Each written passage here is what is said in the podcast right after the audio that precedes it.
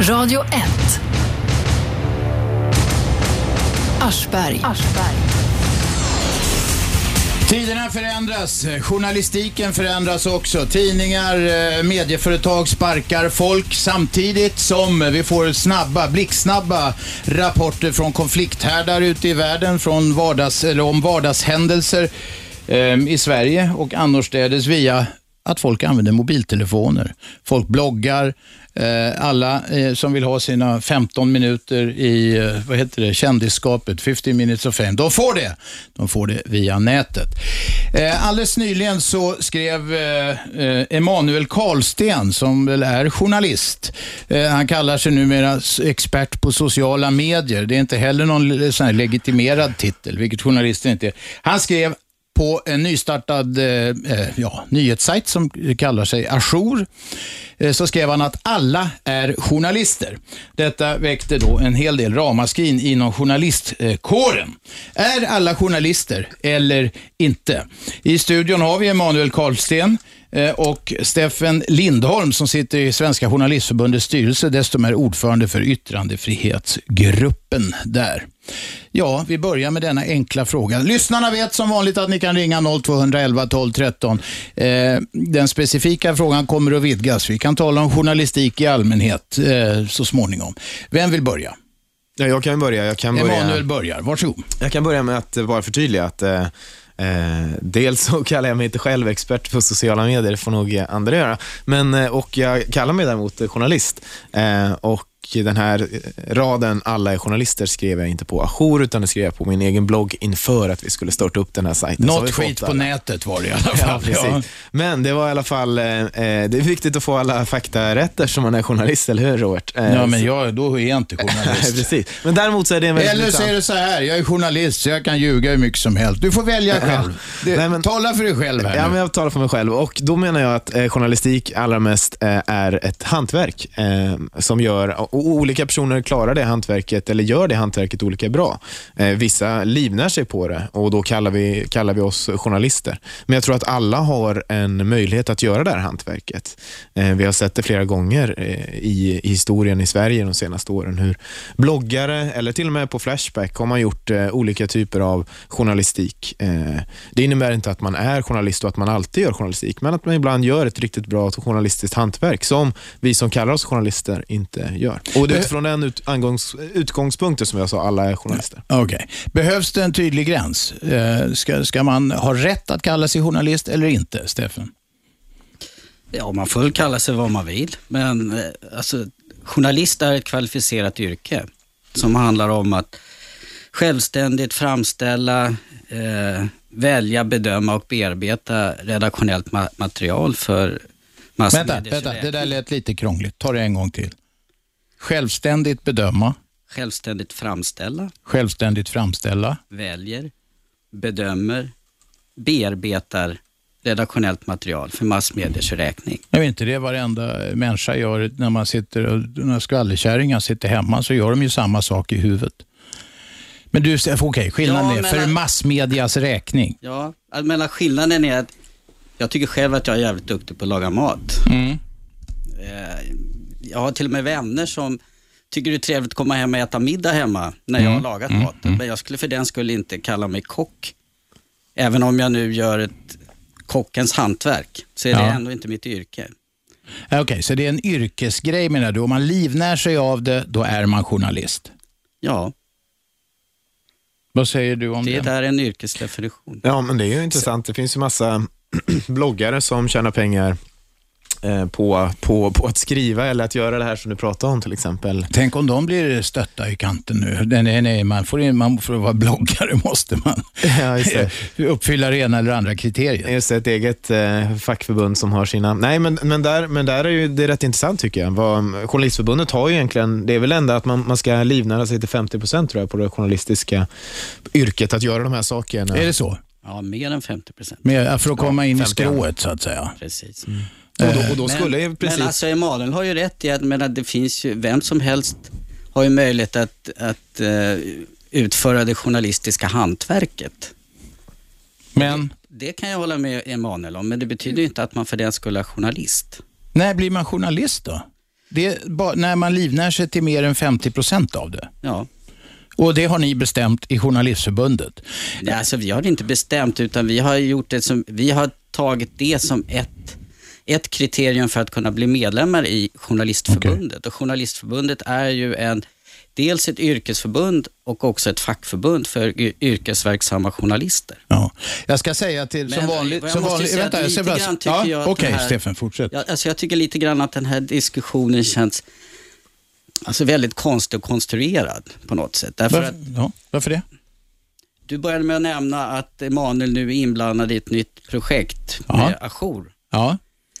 Och jag tycker, jag hoppas verkligen och håller tummarna för att det här projektet ska lyckas och att eh, Ajour ska bli en framgång. Så att Emanuel och de andra som är inblandade i det här projektet ska kunna jobba med det och livnära sig på det, få en inkomst så att de kan fortsätta att arbeta som journalister inom ramen för Ajour. Och det det Och bli medlemmar i Ja, men Journalistförbundet. Emanuel är redan medlem Ja, i ja, ja. Journalistförbundet och det är de andra också vad jag Ja, vet. Men alltså, okej. problemet är ju, precis som du själv sa i din på, att idag är ju det stora problemet att hur ska vi kunna få ekonomi i journalistiken så att massmedieföretagen kan leva vidare och ha journalister anställda eller anlita frilansar som deltagare i, i deras eh, journalistiska verksamhet. Vi, kom, vi, vi, vi kommer till den. Vi, vi kommer till det här till exempel att de stora tidningarna och eh, eh, även eh, till SVT och så här, skär ner på utrikesbevakningen till exempel. Eh, vi kommer till det så småningom. Jag vill hålla det. Varför är den här frågan så jävla känslig? Det blev en helvetes massa liv. Virtanen skriver, ja, om alla är journalister är jag frisör och det var andra så yrkesgrejer. Eh, grejer. det är klart att vem som helst kan vara frisör, det är bara att klippa hår. Men sen kanske inte man kan livnära sig på det, för man klipper någon som ser ut som en bussolycka efteråt. Då eh, får man förmodligen inte så kallad repeat business, det vill säga kunderna kommer inte tillbaks. Så det kanske löser sig självt. Ja, precis. Så att alla är frisörer också. Ja, det, det får du, den, får du dra, eller den får du gå och, och propagera för. Jag, jag, jag tror att eh, varför det är känsligt just nu är ju såklart för att, eh, som du säger, att det, det dras ner väldigt mycket. Aftonbladet ska bli av med 70 tjänster eller vad det nu är och eh, Sydsvenskan kapar också Expressen. Det, det, är- det är massa medieföretag som verkligen eh, behöver bli av med journalister menar de själva. För att överleva, För säger att de överleva, själva. ja. Ja. Precis, säger de själva. Och, och där någonstans så behöver vi såklart, eller, eh, och det är, den, det är den utgångspunkten tror jag som gör det extra känsligt när någon kommer in då och säger att alla är journalister. Eh, det är klart att det provocerar jättemycket. Liksom, vadå, är inte, jag, är inte jag duglig? Liksom, Jag var inne och läste, jag var inne och läste på den här, det nya projektet som det heter, Ajour. Mm, Jag blev en aning besviken, för i mina ögon är det någon slags in, lite mer intellektuell än Ding Ding Värld. Alltså det är lite vad som helst blandat, alltså tyckeri i någon mån. Alltså det urval som Steffen snackar om ingår i det så kallade hantverket, i den mån det nu är ett hantverk. Det, var, det är jävligt hipp som happ. Vad har ni för publicistisk linje? Finns det någon? Ja, där, vi, har, vi har haft en idé där vi egentligen ska börja in, där vi börjar innan vi har alla detaljer eh, helt på, på plats. Vår publicistiska linje eh, bygger egentligen på att vi är sju olika personer med väldigt olika bakgrund som samlas på en plattform för att nå en ökad räckvidd. Vi har redan gjort de här olika sakerna vi gör, oavsett om du kallar det ding ding värld eller om man kallar det för ett journalistiskt hantverk eller vad man nu Alltså en mer intellektuell Ding en Ding in, Värld. intellekt, det var, det var väldigt fint sagt. Eh, Men eh, så, så, så, och, förlåt, observera, jag uppskattade en Ding Ding Värld mycket, den tidningen. När mina Ja, unga okej. var små köpte jag för att jag tyckte de skulle läsa lite källkritik. Ja. Och de kom faktiskt själva fram till det som chefredaktören så småningom bekräftade för mig. Nämligen att de bilder, eh, de storiesar som var illustrerade med färgbilder var sanna. De andra var ofta fejkade, eller nästan alltid fejkade. Det var ett enkelt sätt eh, eh, och det fattade mina ungar. Så det var kul att se. Jag du gjorde ett, ett experiment. en ding ding. Jag saknar en Ding Ding Värld, ja det gör jag. Ja. Jag tror inte att vi är eh, ditt eh, alternativ i den här... eh, Nej, det är ni inte.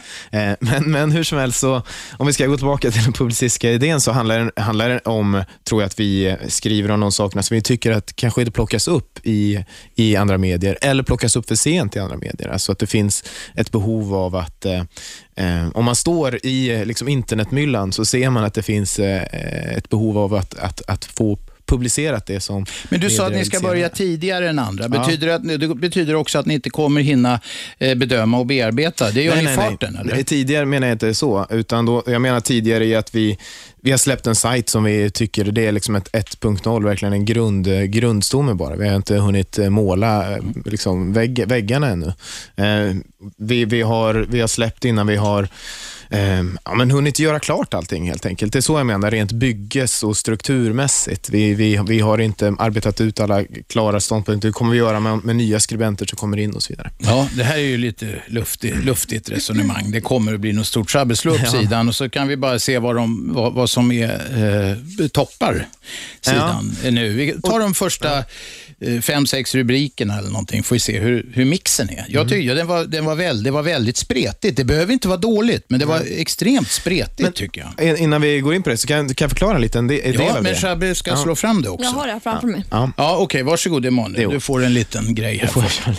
Vi, vi, de här, hela grejen är att vi är sju personer som kommer från eh, väldigt eh, spretig bakgrund. Den ena är en Flashback-kille som har sjuk koll på liksom, eh, internets undergångar, eller man ska säga, under, under värld, ska man säga. Toalett toaletten där nere, Just det, ja. precis. Och, um, en annan kommer från uh, Stockholms klubbvärld uh, som också har väldigt stor... Vad är det för något? Ja, det är när man är ute och dansar ibland på, på, på kvällarna. Så på dansrestaurang? Just det, dansrestaurang. Det är så du känner till det, Robert. Ja, jag dansar aldrig. Det, Nej, det, det, det, Sittdansar kanske? Nej. Nej. Men, eh, Journalister dansar inte. Nej, det, det, det, det är ytterligare ett kriterium som du lever upp till där. Jaha, är det så? Det visste jag inte. Är det ett krav för att få gå med i facket, att man inte dansar? Nej, det är snarare tvärtom. Okay. Ja, helst, vi har en trebarnsmorsa, vi har jag då som kommer från, eh, från ett, ett kristen bakgrund för övrigt. Bara det är en spännande mix. Så har vi en Eller gammal PR-konsult. Ja. har en gammal PR-konsult och så har vi eh, en gammal grävspade-nominerad journalist. Och så. Mm, mm. Alltså, det är en ganska spännande bakgrund bakgrund som utifrån att det kommer från olika Det är många blommor i buketten. så blir det spretigt på ett väldigt positivt ja, sätt. Får vi höra nu hur det låter, Shabbe? Läs rubrikerna, får vi se vad det handlar om. Ja. Blandningen. Goda nyheter. Pakistan normaliserar handelsrelationer med Indien. Det är först. Oj, det var ju väldigt... Ja, det är väl trevligt. En trevlig mm. nyhet. Sen har vi uh, Uppdrag granskningsfaktafel bemöts med en axelryckning. Mm. Det, var en rättelse, det var en rättelse i slutet av Uppdrag granskning igår. Eh, det var någon statistikkuf som hade påpekat, med all rätt, att de hade gjort ett taskigt cirkeldiagram. Ja, men det, var en, yes, eh, det var rätt intressant. Det var en, eh, en snubbe som vi såg som drev en ganska hårt. Liksom, varför har ni vridit det här? Det är ju en jättefel grej som ni mm. gjort Uppdrag granskning. Mm. Och så gav vi honom plats på, på jour helt enkelt för att uh, gå igenom vad det var som var fel och så gjorde, fick, fick vi en rättelse i Uppdrag granskning. Ja, ett scoop. Varsågod, nästa grej. Så hyllar internet Sickan Karlsson. ja, ja, ja. Nästa. Piratpartiet portas från Gamex-mässan. Nu kan SSU Gamex vara på tur. är det väl, ja, antar jag. Ja, det handlar väl om sådana dataspel och sånt. Sånt ja. kan inte jag.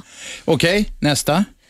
Domare misshandlade sin dotter för att ha laddat ner från nätet. Det, det där har ni tagit in, gissar jag, för att det, ni hittar något eh, bra videoklipp på det. Exakt. Ja. Så det spretar ju. Har jag inte rätt? En intellektuell ding-ding-värld. Vad säger Steffen? Nu får du ta av dig fackliga hatten ett tag. Nu får du bara vara hantverkare. Ja, jag tycker det låter som eh, en ganska bra beskrivning av hur väldigt många nättidningar ser ut. Om det att det är den... Ganska spretigt. Det handlar om internationellt, det handlar om tv-nyheter, det handlar om eh, kriminalitet. Mm, mm. I, extra kryddat med att det är en domare som har utfört det. Ja. Okej, okay. ja, det, var, det var diplomatiskt svar från. Steffen. Mm. Nej, måste man säga. Nej, men det är så. Det är en del spretar, men med, med tanke på att det har varit ganska högtravande presentationer här så blev jag en aning besviken. Men ni kanske bara har börjat bygga huset. Nu ska vi ha lite reklam. I studion har vi Emanuel Karlsten som är en av, en av personerna bakom det nya eh, nyhets... Vad kallar ni nyhetssajt, eller? Ja, du får kalla det... Nej, men vad kallar ni det? Eh, jag skulle nog kalla det bara sajt. Men, eh, en sajt bara, ja. lite neutralt. Det där huset kan komma och se ut hur som helst. Nyhetsgruppblogg är någon som har En nyhetsgruppblogg, ja. Emanuel Karlsten är här. Det är han som, det är oklart, men de håller på att bygga ett hus på nätet helt enkelt. Steffen Lindholm som sitter i Svenska Journalistförbundets styrelse och hela diskussionen eh, bottnar i att det blev sånt liv om att eh, eh alla är journalister. Eller så är de inte det. Ring oss 0200 11 12 13. Det här är Aschberg i Radio 1. Radio 1. Aschberg.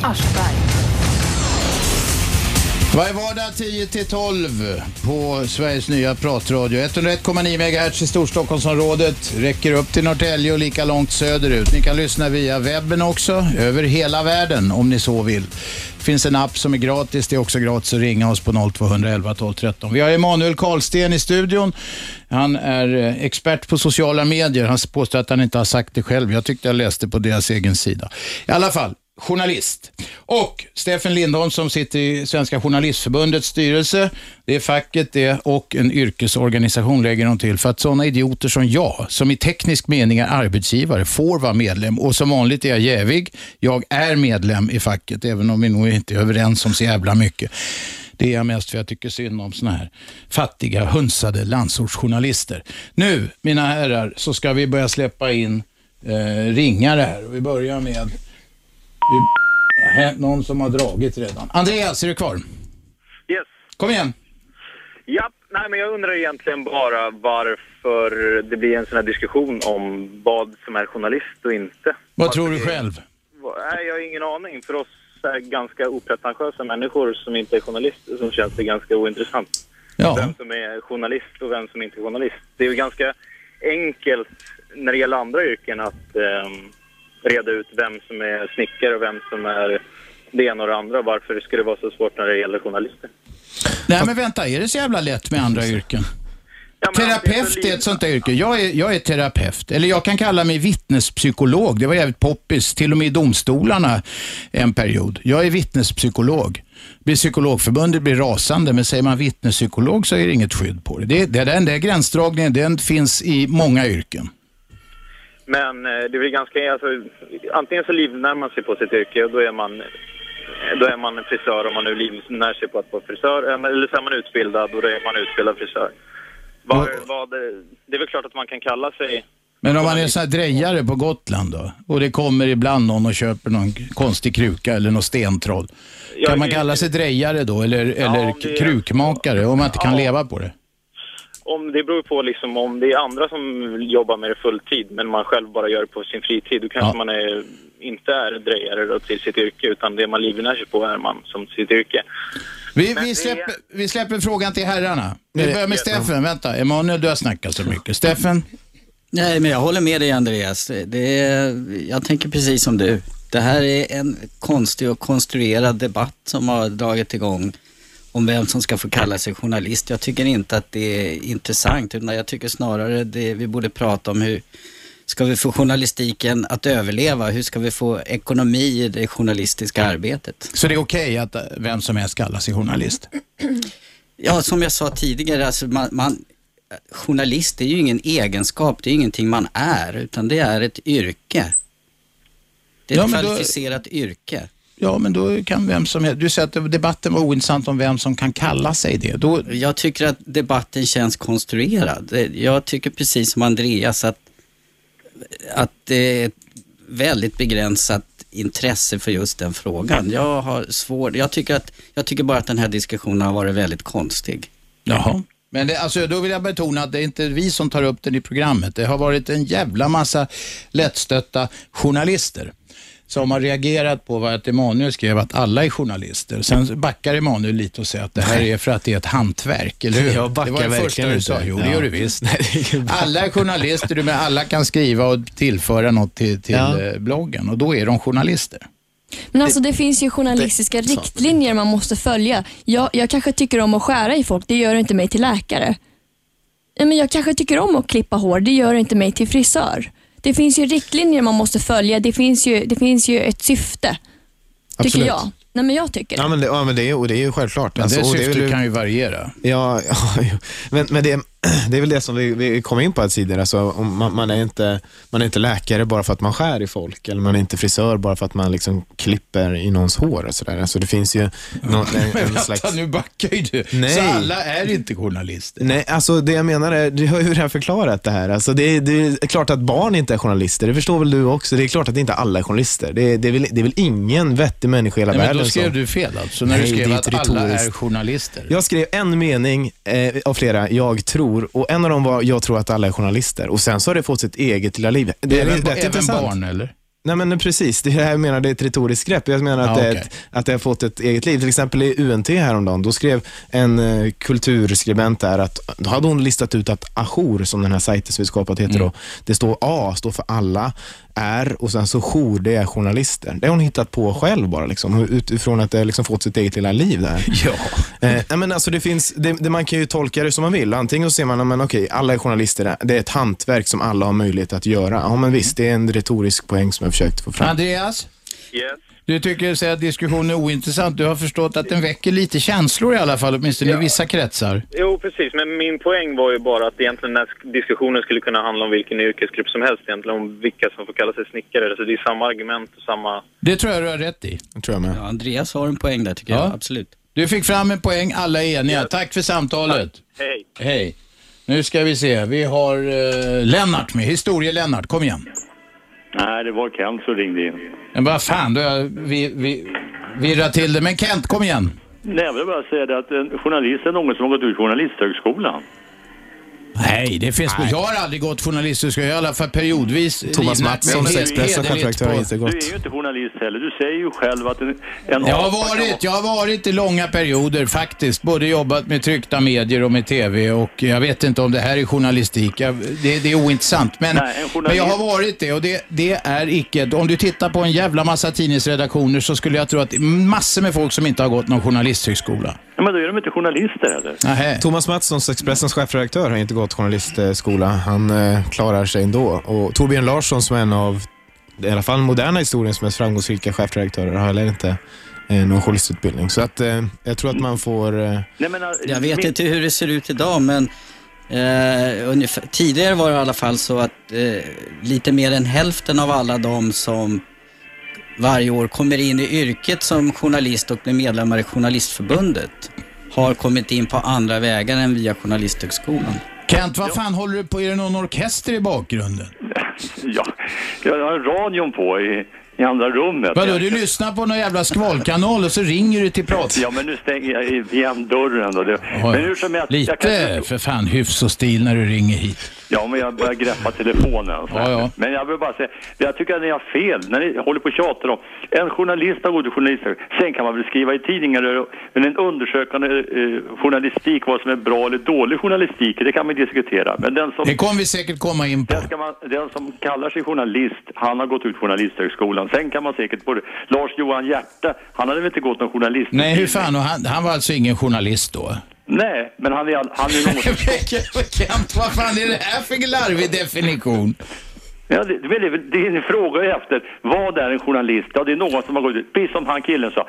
Har man gått ut en kockutbildning, då är man kock. Det finns en jävla massa människor som lagar Det finns massor med kockar som har gått den långa vägen in i yrket. Och många av dem extremt framgångsrika dessutom. Ja, pre precis. Jag menar, Men de är inte kockar då menar du? De som har sämst utbildning i Sverige yrkeskår, det är egna företagare. Det är de som driver samhället framåt. Men de, så att utbildning är inte någonting som är givet att man ska vara framgångsrik eller någonting. Det är inte det. Men nu frågar vad är en journalist? Okej. Den som har gått ut. Då har vi fått ditt svar Kent. Tack för Ja, samtalet. Nu ska vi låta några eh, journalister komma till tals. Vi ska nämligen ha nyheter. Sen fortsätter vi. Fortsätt ringa. 0211 12 13. Det här är Aschberg på Radio 1. Radio 1. Aschberg. Aschberg. Vi talar om journalistik. I studion har vi Emanuel Karlsten som eh, är eh, expert på sociala medier. Han är journalist egentligen. Det där är en titel som någon har hittat på. Han tar sin egen hand ifrån det. Vi har Steffen Lindholm här som sitter i Svenska Journalistförbundets styrelse. En skråman alltså. Eh, han värnar om att det ska finnas, vara lite hyfs och stil och vissa krav på de som ska få eh, bli medlemmar i detta fack och yrkesförbund. Med på telefon har vi Björne. Kom igen. Tja! Ja, kom till Eh, saken. Du är i etern nu. Jag håller med föregående talare lite grann. Visst kan man väl, tycker jag, man kan kalla sig journalist även om man inte har gått någon journalistutbildning. Men då ska man väl ha någon form av underlag på att man har utbildat sig, kanske på någon tidningsredaktion eller liknande. Jag menar, jag är utbildad på Globens restaurangskola till servitör och bartender. Men eh, ja, när jag blev lite äldre och skaffade barn så var jag tvungen att byta jobb. Och då skulle jag börja som plattsättare och snickare. Men samma dag som jag började som lärling så kunde inte jag kalla mig för plattsättare eller snickare. Utan det krävs ju då en intern utbildning i det här fallet på ja, cirka 4-5 år innan man kan kalla sig för plattsättare. Vem har bestämt det då? När får du börja kalla dig plattsättare? Efter ett visst antal timmar och ett visst antal Ja, men va, va, vem är det som så att säga, ger dig diplomet eller legitimationen eller vad fan det är? Ett yrkesbevis ja. Jaha, okej, så heter det. Och vem är det som utfärdar detta? Eh, ja, det är Byggnads. Det är byggnadsfacket, okej. Ja. Ja, okej. Det är samma, eh, samma tänkande ungefär som Journalistförbundet har då. Man ska kunna visa att man livnärt sig till väsentlig del på det här för att, för att komma med i facket. Kanske inte livnärt sig, men i alla fall gått en utbildning och klarat av vissa moment som man kan påvisa att man är att man duger till det man ska göra. Ja, det kan man kanske vara glad för om man ska bygga om ett, eh, leja en hantverkare och bygga om ett badrum. Jo, Att det inte blir allt för Man jävla snett och vint. Bara ställa sig hemma hos någon. Ah, hej, jag är snickare för idag vill jag vara det. Ja. Eller gå upp till Aftonbladet och säga hej, idag ska jag vara journalist. Jag vill skriva två helsidor. Nej, då får du gå till Ajour istället. Det är Manuels... eh, Välkommen Det är hit. bättre, men Ja. du fattar vad jag menar. Ja, jag fattar vad du menar. Ja. Vart, vi, kan, vi ska vidga diskussioner. Jag inser också att vem är journalist? Det är ju mera för eh, nördarna som håller på med journalistik i någon form. Eh, frågan är vart journalistiken är på väg. Ni som vill ringa och diskutera detta ringer 0211 12 13. Men vad menar du att att gränsen går då? Det ska vara någon organisation som håller reda på grejer. Det finns ju det finns ju en del titlar som är skyddade i Sverige. Vem som helst får inte kalla sig psykolog eller advokat eller officer och sånt där, utan då ska man ha någon form av bevis på detta och det finns det då organisationer som bevakar. Ja. ja, det är väl en definitionsfråga lite beroende på vad man ska göra. Men alltså i samhället i stort nu, var och varannan jävla nisse som är 20 år kallar sig för journalist. För att de har skrivit någon jävla inlägg i någon tidning liksom. Ja, men det är så jävla, det är sjukligt poppis. Och, du vet, ung, ungjävlarna säger nu, jag vill bli något inom media. Ja, Jag har stött på, jag jobbar ju med tv delvis eh, och inte bara med det utmärkta mediet radio utan och även med det krångliga mediet tv. Och då, där, där kommer det in ungar som säger, hej får jag fråga en sak? Jag vill bli programledare, hur gör man? Och så frågar man, vad är det för program du vill jobba med då? Ja, det spelar ingen roll och så här, då kan du glömma hela skiten så jag har inte tid med det. Eh, Eh, det måste ju finnas någon, någon drift för fan i, i det. Men om, om någon säger så, som, som du säger, vill bli plattsättare och verkligen drivs av detta, då kan de ju förmodligen, om de inte har tummen mitt i hand, lära sig att göra detta och kanske bli jävligt skickliga på det. ja absolut. Och det, är ju bara, det krävs ju liksom utbildning och att man kan påvisa att man kan det man ska hålla på med. Det tycker jag är rätt viktigt. Ja. Men det jag gränsen för, det, ja okej. Och sen som du, du är ju journalist, men du har inte gått journalisthögskolan, men du är väl journalist i allra högsta grad? med Ja, när det passar är jag det. När det Jo, passar men mig. Hur länge du har jobbat med det du har gjort så måste du fan kunna kalla dig journalist. Jo, jo, men det gör jag ju faktiskt emellanåt, ja. Med all rätt, tycker jag. Ja, det är äntligen en vänlig människa. Tack ska du ha.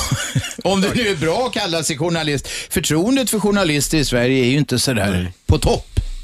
Nej, men det, det får man väl stå ut med då om man väljer att jobba med det. Ja, ja. Hantverkare har inte heller så jävla gott rykte i alla... Nej, det är sant. Det är sant faktiskt. Det är två utsatta grupper vi talar om här. Andreas, tack för samtalet. Vem är där? Nej, ingen som... Vem är där? Ja, tjena. Det är Markku Makkara. Marco Leikko. Makkara. Markku Makkara Lehikoinen. Makkara, det betyder korv på Ja, finska. precis. Ja, kom jag igen då, Marco. då Vad, vad det syftar på. Jaså, jaha, det, jaha, det var något med underlivet. Nu har vi, då skrattar vi åt det en stund och sen går vi vidare. Kom igen nu. Ja, jag skulle bara säga så här att eh, journalister, låt mig garva. Det finns inte längre eh, alltså. Alla, alla tidningar har en riktning eh, och sådär va. TV-stationer har en riktning. Vi kommer att ge ut denna eh, nyhet, men inte den andra. Det kommer vi, det kommer vi att mörka. Och då finns inte journalisten längre om man ska mörka saker. Ja, du menar att, alla är, att det blir mer och mer partiskt? Vad tror Ja, Stefan? precis. Vänta Marco, vad tror, Steffen, vad tror du om det? Är det så att det blir mer och mer partiskt, möjligen påverkat av det, att åsiktsjournalistiken har eh, exploderat med alla bloggar och så?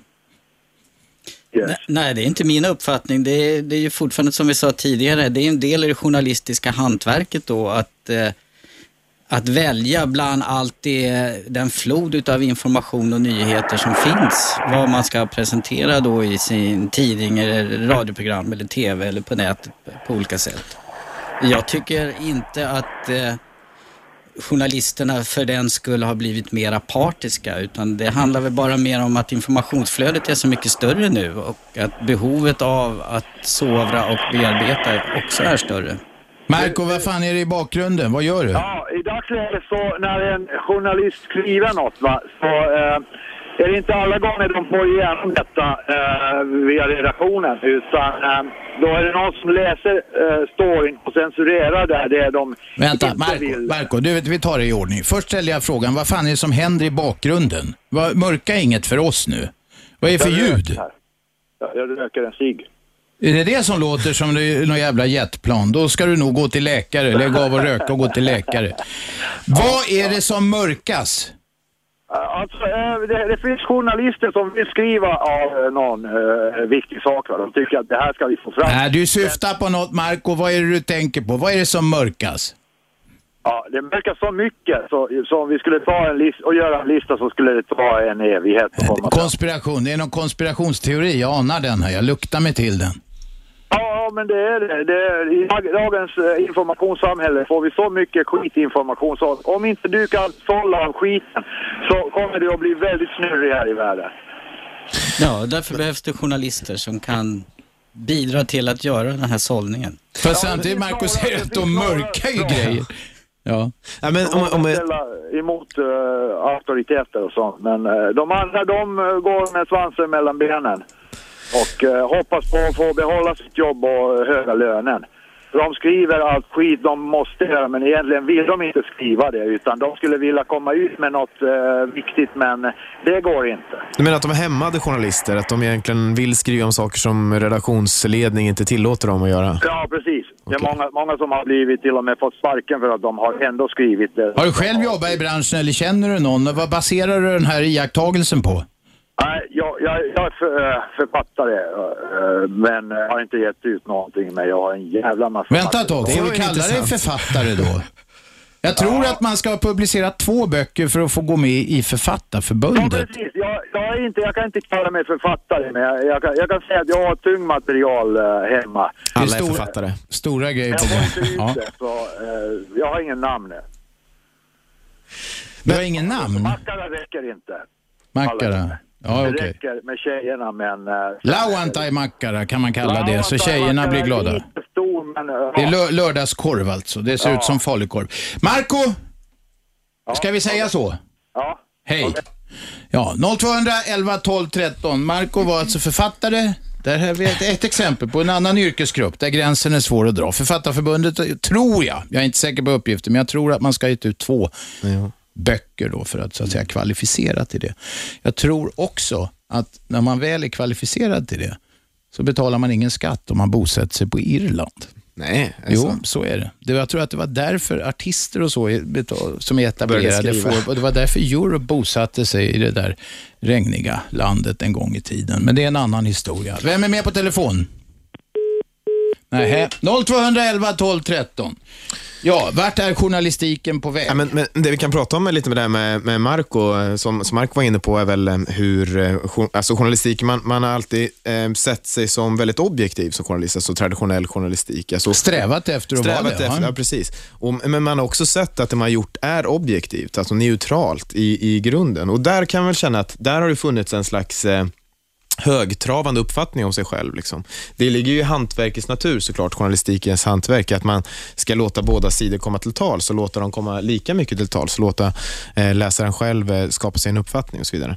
Men jag tror att det kommer bli allt vanligare och viktigare också att eh, journalister på något sätt redovisar sin egen ståndpunkt kanske på olika saker. Jag tror att man fortfarande kan göra ett, ett objektivt hantverk, men jag tror att det finns en poäng i att säga ehm, ehm, Att känna vem det är som skriver, alltså veta vad journalisten som står bakom texten faktiskt tycker i olika saker. Yes. Vem är med? Ja, tjena, det är Marco här igen. Igen? Korv-Marco. tänkte bara, du sa, du sa lauantai-mackara. Du vet hur tjock den är alltså. Ja, jag vet hur tjockt det det- ja. Men du, kuksnacket, vi spar det till när vi Ja, har men det som ämne. mackara Jag, jag liksom Ja. äh, går efter. Inte lauantai, den Nej. ligger på Vad är, du, vad är det för böcker? Är det, är det porrböcker du skriver eller? Ja, nej, det är också, det, det, är liksom, det innefattar nog allt. Det innefattar Ja. eh, droger, politik, eh, Okej. eh, rock'n'roll, eh, Ja, ja. Du, Marco, lycka till med författarskapet. Hej då. 0211 12 13. Jag upprepar detta. Det ringer folk ett tag, men Marco han var snabb. Han, han kan- ska lösa, eller täcka det mesta. Jag Ja. tänkte på det här som eh, Steffen? Vi, vi pratade om med Björne, det här med yrkeslegitimation. Ja. För det kommer ju av och till upp också i våran kår huruvida vi ska kräva någon typ av att, man ska vara legitimerad journalist eller Ja. inte. Och där har ju vi sagt att vi tycker inte att det är en bra idé eftersom vi har tryckfrihet i det här landet och alla ska ha rätt att uttrycka sig i tal och skrift på olika sätt. Och Det skulle bli lite det Sovjet skulle bli lite stil. Sovjetartat om man plötsligt ska liksom vara godkänd Mm. från staten eller legitimerad för att få uttrycka de här åsikterna i, i ett medium. Det finns en annan grej som Marco, lördagskorvs-Marco var inne på. Eh, nämligen när han säger att journalister skriver grejer, så sitter det chefer och censurerar. Det är aldrig censur om en grej stoppas på en tidning. Tvärtom, den som ger ut en tidning. Censur är det om statliga myndigheter stoppar tidningar eller andra medier. Den som ger ut en tidning har rätt att fylla den med precis vad som helst. Det är det som är yttrandefrihet. Här har vi hela diskussionen med de här jävla offer, Sverigedemokraterna. Så det är så synd om dem för de får inte grisa ner alla kommentarsfält och sånt där. Det är yttrandefrihet är just att man får välja bort det man vill på tidningen. Vem är där? Nej men herre Jesus. Vem är det här då? Hallå? Hallå? Vad står på? Ibland sviker modet. Vem är där? Ja, hej. Det är Lennart. Nu är det Lennart, vi tappar dig för. Kom igen. Ja, just det, precis. Jo, jag är väldigt besviken när det gäller svensk press, specifikt kvällspressen. Jag köpte för många, många år sedan både Aftonbladet och Expressen. Och jag tycker, nu, nu köpte jag Expressen häromdagen för att kolla egentligen vad den innehöll, innehållet, kontentan i det hela. Och det, det är helt ointressant. Det är bara nonsensartiklar hela tiden och så kan det vara lite sådär. Har du ont i dina, knän, då ska du göra dessa övningar för att stärka knäna. Det är sånt som man redan känner till med att man ska promenera, stavgång och träna ändå försiktigt. Jo, men någonstans har informationen kommit till dig från början. Men jag menar, Expressen förr, de hade lysande journalister alltså och skrev sociala grejer. De slog ner, det var tidning med sting i som de sa va, förr. Mm. är Det var mitt universitet. Jag jobbade där i sju år. Där lärde jag mig det lilla jag kan om yrket. Och grejen var ju den för då kunde man ju attackera saker som var stora orättvisor i samhället och belysa. Man tog upp exempelvis den här låginkomstutredningen som var så eh, kontroversiell på sin tid. Mm. Och nu för tiden när man köper, då är det mest kändisreportage. Ja, alltså du har rätt på ett sätt, men du har också fel. Därför att eh, båda kvällstidningarna driver kampanjer ibland. Och kampanj menas med att de har artikelserier om just eh, den, det, det du efterlyser. Så är det faktiskt. Du kan köpa tidningen en dag. Det kanske är en dålig dag när de har någon kändisskitgrej bara att toppa med. Ja, de toppar med det va. Nej, nej, nej, nej, nej, du har köpt tidningen en dag. Det är ingen vetenskaplig undersökning, Nej, Lennart. men jag har, ju, jag har ju varit på stads, eh, stadsbiblioteket, de har ju tidskrifter där, salen Mm. va. Och, och emellanåt bläddrat, bläddrat i Kvällsposten, Expressen, Aftonbladet. Det är samma tidning. Det är samma tidning i princip va? men jag tycker att de har chanserat oerhört mycket för att förr i världen så tog man upp och belyste samhällsproblem och, poli och politik på ett annorlunda sätt än vad man gör idag va. Eh, eh, och sen kvällstidningarna också, det är ju det här lösnummerkriget, men de kommer ju ut redan på förmiddagen idag. Mm. Och det gjorde de inte förr i världen, då var de i kvällstidningar, eller på eftermiddagen kom de ut va. Då Var det bättre förr, Lennart? Det var det bättre, då kom killarna på de där bilarna och kastade av tidningarna där vid tobakisterna. Nu är vi nere, nu är minnenas allé. Vi går inte för långt ner på jag den. menar, vad ska man göra för vecka för att göra kvällstidningarna mer intressanta? Att de blir bättre, att de kan höja sin nivå, det är det jag frågar mig vet du. Ja, alltså jag tycker ju personligen att de bitvis är väldigt bra, men det ligger något i det som en nattchef på Expressen sa till mig på eh, 80-talet, att det här kommer att bli dagliga kändistidningar. På den tiden var det bara skvallertidningar, var speciellt va. Eh, det är konstigt där inom pressen hur det går. Då var det skvallertidningar elaka. Nu, nu är alla skvallertidningar jävligt snälla. Jag tycker de börjar likna mer och mer veckotidningar alltså. Det är en massa sådana Ja, här ja, men det är så. Och så, så kallat feature-material, alltså sån här om bantning och allt möjligt. Ja. Men vad säger herrarna här till Lennarts fråga? Alltså till viss del kan jag ju förstå eh, poängen i det som Lennart vill ta upp just därför att eh, resurserna för att göra mer undersökande och grävande journalistik krymper hela tiden och eh, arbetsorganisationen och eh, eh redaktionerna är så hårt slimmade så att det finns liksom inte tid att göra eh, artiklar och nyheter med mer eftertanke och analys i, utan allting ska gå så fort. Man ska konkurrera med nätet med nyheter som förmedlas via radio, och tv och så vidare. Så att allting ska snabbt in, publiceras eh, och väldigt lite tid över för att göra de här fördjupande analyserna. Ja, men hörru du, är, beror det på att man håller nere kostnadsläget så att man inte har tillräckligt Men med alla, vänta? Lennart, vi har sagt det tidigare. Alla tidningar nästan, alla mediehus, eller i alla fall alla tidningar genomför nu, just nu eh, sparpaket. Ja, jag förstår det. Eller Det i alla det. fall de flesta av de stora gör det. Stora sparpaket. Jo, en grej som kvällspressen skulle kunna ta upp är som ett exempel hur juridiken fungerar i det här landet. Stopp! Det där får bli en cliffhanger Lennart. Ja, får Du bara- vet, nej, därför jag ska ha reklam nu. Okej, okej. Så häng kvar bara. Ja, ja. Nu kommer alla vänta spänt på Lennarts tips om kvällstidningarna. Ja. I studion, Emanuel Karlsten och Steffen Lindholm. Där är Aschberg på Radio 1. Vi är strax tillbaka. Radio 1. Aschberg. Det är jag det och ni lyssnar på eh, programmet som eh, så passande heter Aschberg varje vardag 10-12, repris 20-22. 101,9 MHz i Storstockholm, radio1.se, det är nätet det, över hela världen, eller den tjusiga applikationen om ni har haft råd att köpa sån där modern telefon. Vi väntar med spänning på vad Lennart hade för tips till eh, kvällstidningarna. Varsågod Lennart. Jo, man skulle kunna belysa rättsväsendet för att det hände något brutalt när en vårdare blev ihjälslagen på psykhäktet där. Eh, Ja, det var på, det var på häkte, häktet i Stockholm. Rä- Rättsmedicinska där, det var väl ute i Huddinge. Blev brutalt, Jaha, det var det kanske. Blev br- brutalt eh, mördad, eh, dräpt. Och sen läser man om något annat fruktansvärt som händer i en, i en kö på McDonalds nere vid, jag tror det var Norrmalmstorg, där en man blev ihjälslagen i kön för att det blev ett gruff.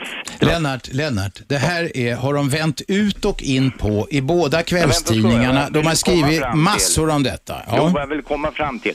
Han, det, en kille i en McDonalds-kö blir brutalt ni, eh, eh, dräpt utav två personer. De får två års fängelse. Den här andra killen som gjorde det där fruktansvärda dådet på rättspsykiatriska, Mm. han fick livstid. Varför är det sån ojämlik, varför får de så milda straff vissa personer när det gäller ett, ett, ett, ett råp och andra får livstid? Det, det är sånt jag frågar. Differenserna i svensk lagstiftning alltså säger Nej, att nej, det handlar om hur domstolarna tolkar. Det är olika parametrar som spelar in i varje. Så jag tror inte det är så att alla döms olika.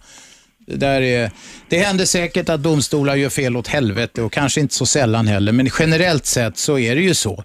Du hade, du hade, du hade hela den här ko- jättekontroversiella grejen som Högsta domstolen häromdagen tog ställning till, nämligen om man hade uppsåt att vara berusad. Det var en kille som hade stuckit en mycket lång kniv i några just det, precis, ja. dryckesbröder eller vad fan det var. Eh, eh, och eh, eh, någon straffrättsprofessor gick ut och sa, "Jaha, nu kan man köra bil full och så vidare. Men det var ju en grov, så här, det var ju en politisering, en grov tolkning av det. Ja, Eh, jag Det är tycker- olika case, olika bakgrunder för att ett brott ska vara begått och man ska straffas för det ska det finnas uppsåt, det ska finnas en fullbordad gärning och det är lite andra saker. Det där är krångligt. De här sakerna det skedde genom impulser, att de förlorade fattningen va? Och Mm. båda fallen. Och de, de, två personer, eller en person får två års fängelse och en får livstid va? Jag tycker det är besynnerligt att, att det ska vara så stora skillnader alltså. Ja. Okej, Lennart. Okej, du ska tacka Vi tipsar kvällstidningarna om att belysa detta mer. Tack för samtalet. Vem är där? Hallå? Hej Robert, det är Lilia. Lilja, kom igen. Jo, jag eh, kan bara säga att det är inte lätt att vara journalist till att börja med. Nähä, vad är, för, vad är problemet? Nej, jag fuskade lite grann som man, när jag gick min sjuksköterskeutbildning på Sofiahemmet så eh, lekte jag journalist på studenttidningen tidningen. Men bortsett ifrån det här, jag har lite frågor till din gäst. Ställ dem, ställ dem. Det är två gäster. Det är Steffen Lindholm som är eh, styrelseledamot i Svenska Journalistförbundet och dessutom ordförande i yttrandefrihetsgruppen. Och så är det Emanuel Karlsten som, vänta Lilja, låt mig presentera dem. Emanuel Karlsten som är eh, eh, en av grundarna av en ny sajt som eh, kanske inte riktigt vet vad den vill, men som är, det är stora grejer på gång. Den heter Ajour. Ställ frågan nu. Okej. Självbevarelsedrift, känner man igen det här ordet? Alltså det vill säga... Ställ inga retoriska frågor, kom till saken. Kom. Arbete gentemot försörjning och sanning, om man säger så. Vänta, ställ om frågan men gå på kärnan. Självbevarelsedriften, alltså ska man behålla jobbet och säga rätt, eller skriva rätt till situationstecken saker, eller ska man följa sin, sitt eget samvete? Okej, det är en moralfråga. Varsågoda herrarna. Eh, vänta. Själv- Nej, vi tar den en sak i taget. Vi tar den. Okej.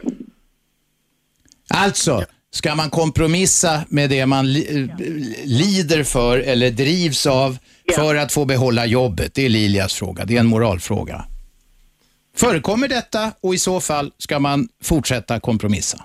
Ja.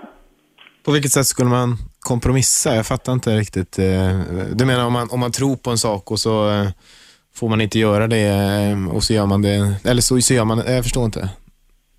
Ja, alltså det finns ju eh, så att säga eh, olika aspekter på olika händelser. Ja.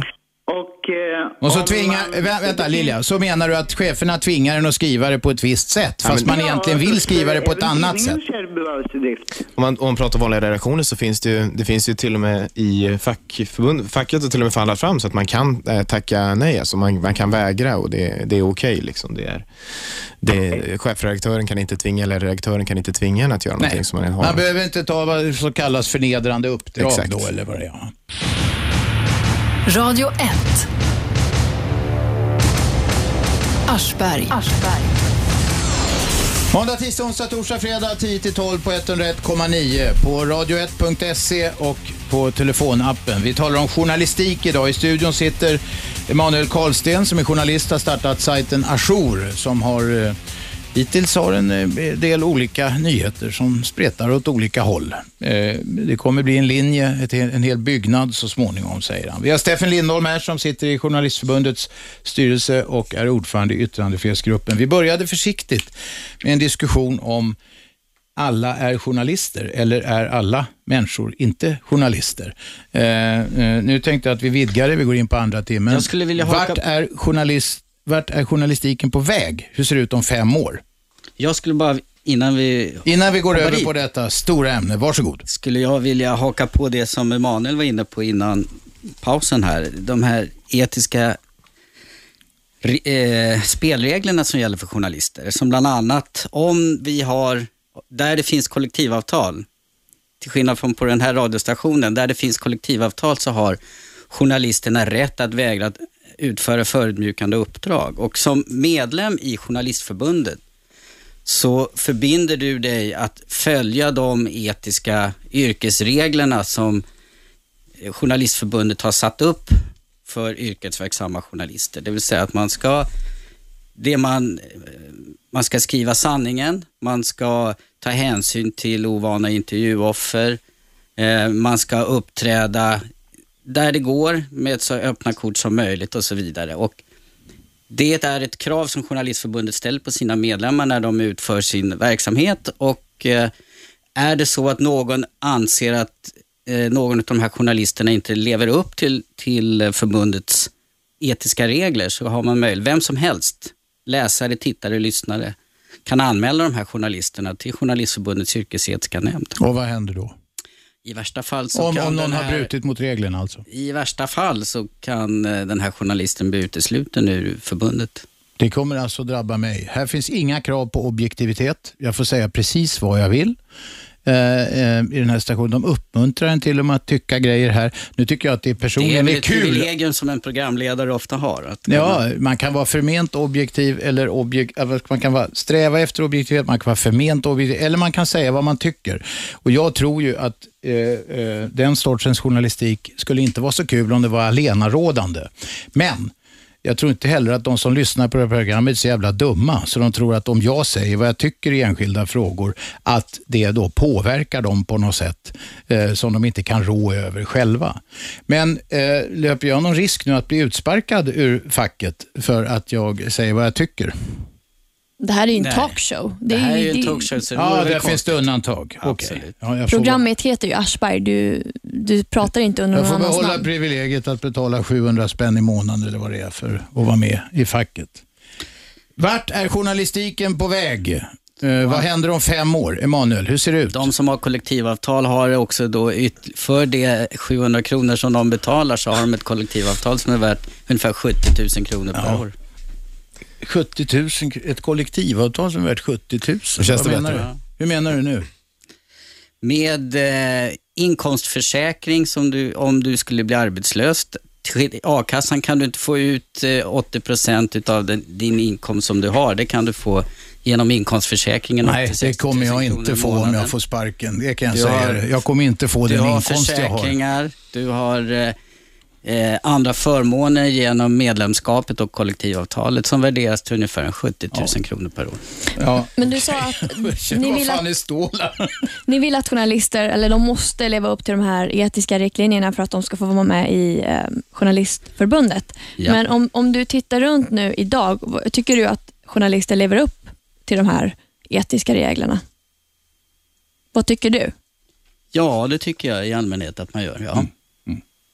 Okej, kan vi nu komma in på det jag försöker tränga, jag försöker tränga igenom bruset här. Vart är journalistiken på väg? Hur ser det ut om fem år? Vad är det för slags, en floskel, men vad är det för slags mediekonsumtion vi ser då? Ja. Emanuel, varsågod. Det, det, där, är- jag, det är sånt som jag kanske ägnar störst, större delen av min Ja, yrkesverksamma tid ja, till men att fundera på. om det då. Så nu ska jag säga någonting om Ja. det, Robert. Eh, det är att eh, eh, vi ser ju redan idag att, man har eller om vi tar en jämförelse fem år tillbaka, 2006, och tittade på idag, så hade vi aldrig kunnat gissa var vi skulle hamna. Facebook fanns knappt i Sverige då. Jag hade inte aldrig anat att liksom, Sveriges identitet på något sätt skulle eh, ha med Facebook att göra. Liksom en, eh, halva befolkningen finns på Facebook. Facebook är för amatörer. Ja, Vad, vad är proffsen som du eh, använder istället? vi skiter i Facebook. Ah, okay. ja. Fortsätt, hur ser det ut nu? Det, Jo. man konsumerar inte, det är Dels så tror jag att det är väldigt svårt. nyhetsförmedlare? Poängen med fem år tror jag är väldigt svårt eh, att, att gissa. Jag tror vi kan gissa, vad, kanske två år kan vi, kan, kan vi ana någonting. Men, det vi ser redan idag är som sagt att journalister förlorar sina jobb, att, att eh, tidningar får allt svårare att, att överleva med, med sina in, inkomster på papper och man har svårt att få, få in pengar på nätet och så vidare. Jag tror att, och det är en del som vi kan kroka in lite på din, din fråga tidigare, vad är poängen med Ajour och den här sajten som vi har skapat?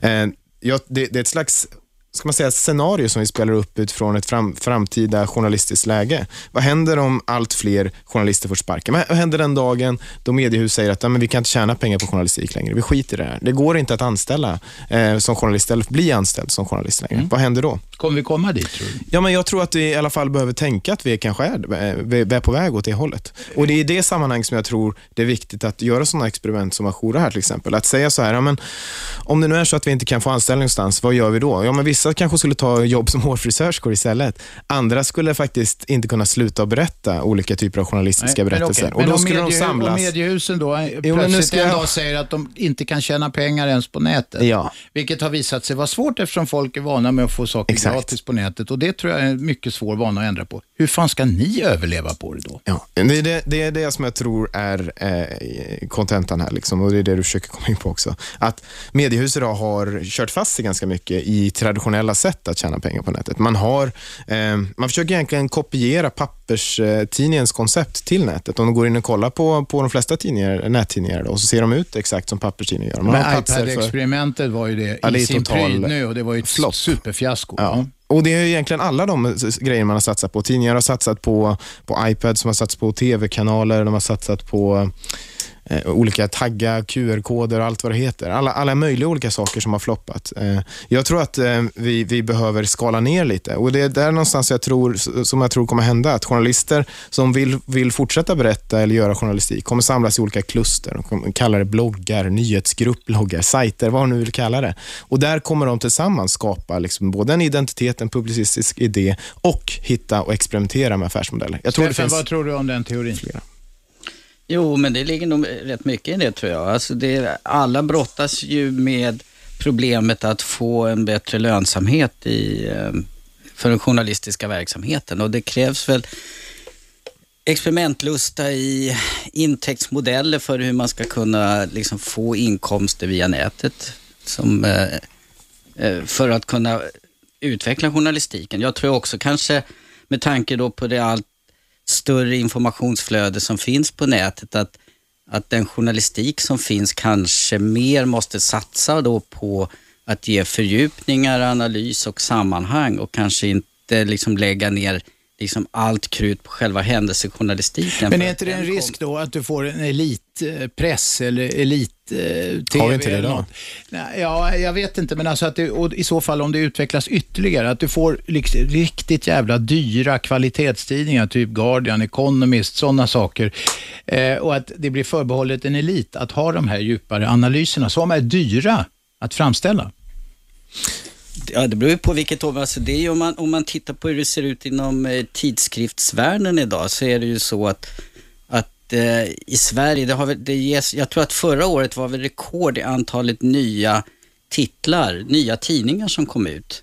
Eh, hårt nischade tidningar som handlar om en speciell fråga. Mm. Eh, dessvärre hade de inte, eller har de i allmänhet inte så lång livslängd de här, utan de dyker Därför, upp på grund av dålig lönsamhet. Ja, men att man försöker konkurrera om ett väldigt populärt område. Hur många mattidningar finns det till exempel inte? Hur många tidningar finns det inte om härliga hundar och så vidare? Mm, Så att, jag menar, men jag tror ju faktiskt att behovet av eh, nischade tidningar i ett speciellt område som man är intresserad av och vill veta lite mer om har en framtid. Och jag tror ju att det kanske också är framtiden för väldigt många eh, massmedieföretag idag. Att, att försöka satsa mera på fördjupning och analys och förklara vad det är som händer istället för att kanske fokusera allting på det här omedelbara En händelserapporteringen. specialisering alltså kan Ja. man säga. På tv-sidan, på TV-sidan, du ska få komma in imorgon nu, men på tv-sidan har vi sett det att numera är det inte tv-kanaler som det var på den gamla goda tiden. Nu är det så kallade mediehus och alla har en jävla, en uppsjö kanaler eh, och de, många av dem är specialiserade eller nischade på ett eller annat sätt. Och Det betyder till exempel för produktionsbolagen att eh, det finns oerhört mycket mer tv att, att, att göra många, många fler antal timmar att fylla så att säga. Men pengarna är de samma, så det blir billigare och billigare man ska framställa grejer. Och det, så blir det ju förstås på tidskriftssidan, kanske på radiosidan om det nu blir något av kommersiell radio, att den skulle bli lönsam, men, men det är ju så konstig bakgrund till det. Men den så kallade reklamkakan, eller peng, de pengar som finns som man kan dra in, de blir inte, det blir inte så mycket större. Nej. Men tv är ju ett av de medier som faktiskt eh, fortsätter att vara ett av de mest lönsamma. eh, Ja, de är mycket lönsamma nu, ja. men å andra sidan, och ännu mer lönsamma den dag folk faktiskt kommer titta bara via nätet, för då slipper man ju distributionskostnader. Ja. Som är en ganska tung post eh, för många tv-hus och så.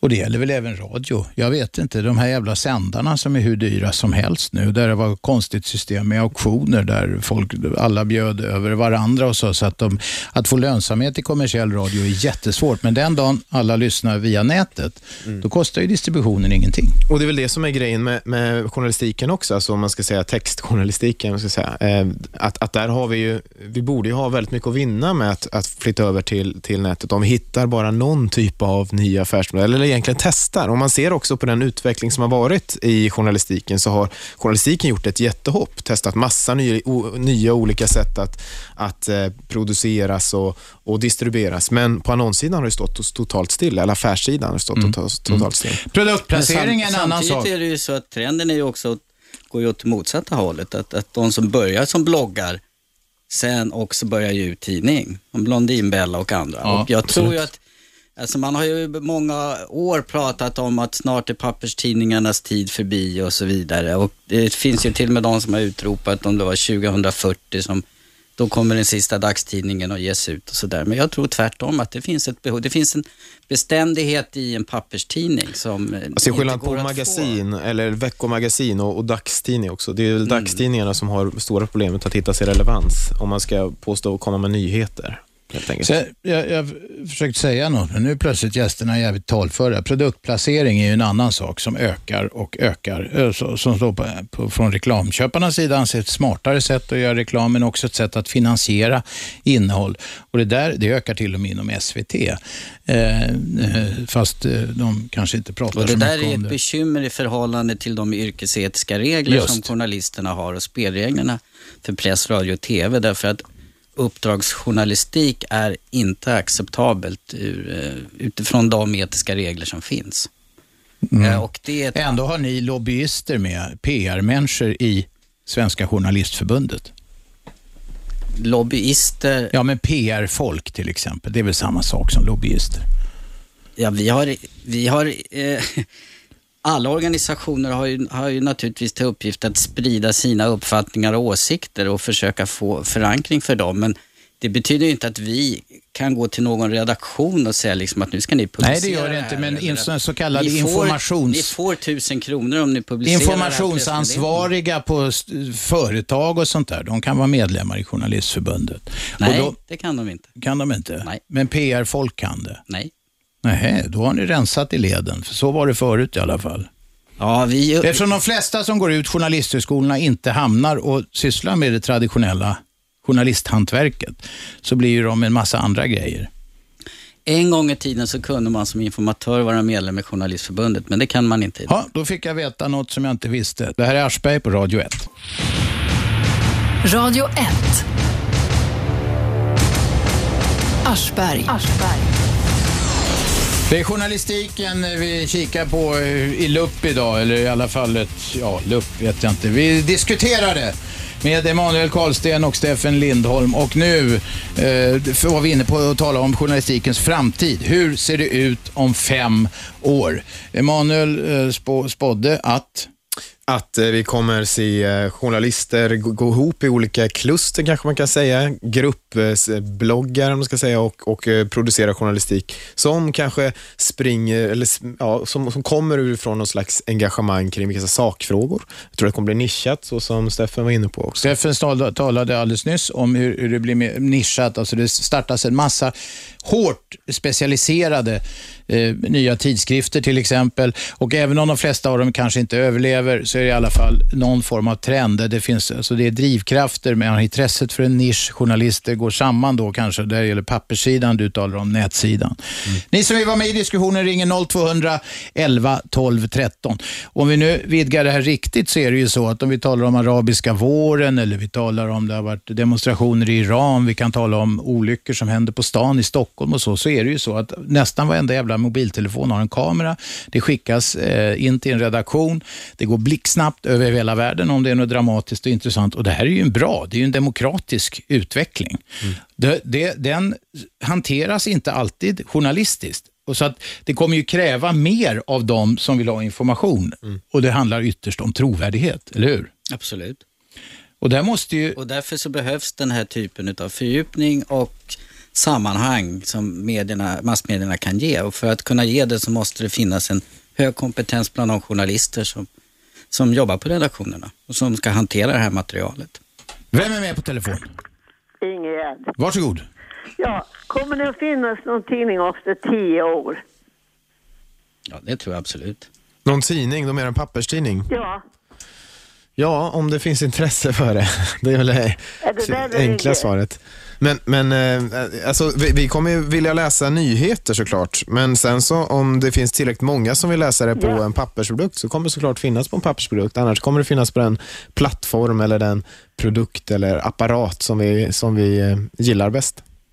Ja, och sen har det varit och skrivits mycket om det här att jag har ju läst att man får inte kalla sig för journalist om man inte har gått på journalisthögskolan och det var ju svårt att komma in, det skulle bara vara femmor i betyg och, och de skulle vara intelligenta och begåvade för att komma in på journalister och därutav så alltså skulle man inte få kalla sig för journalist för det krävs så mycket. För Nej, det var en ringare som tyckte det. Som Kent var det som ringde och tyckte detta. Jo, men det har jag läst i tidningarna också. Ja, Men, men det... alltså har du det? Ja, okej. Ja, jag känner inte till det. Ja, då är det sant. Är det en sak, vad har journalisterna för lön? Det vet Steffen.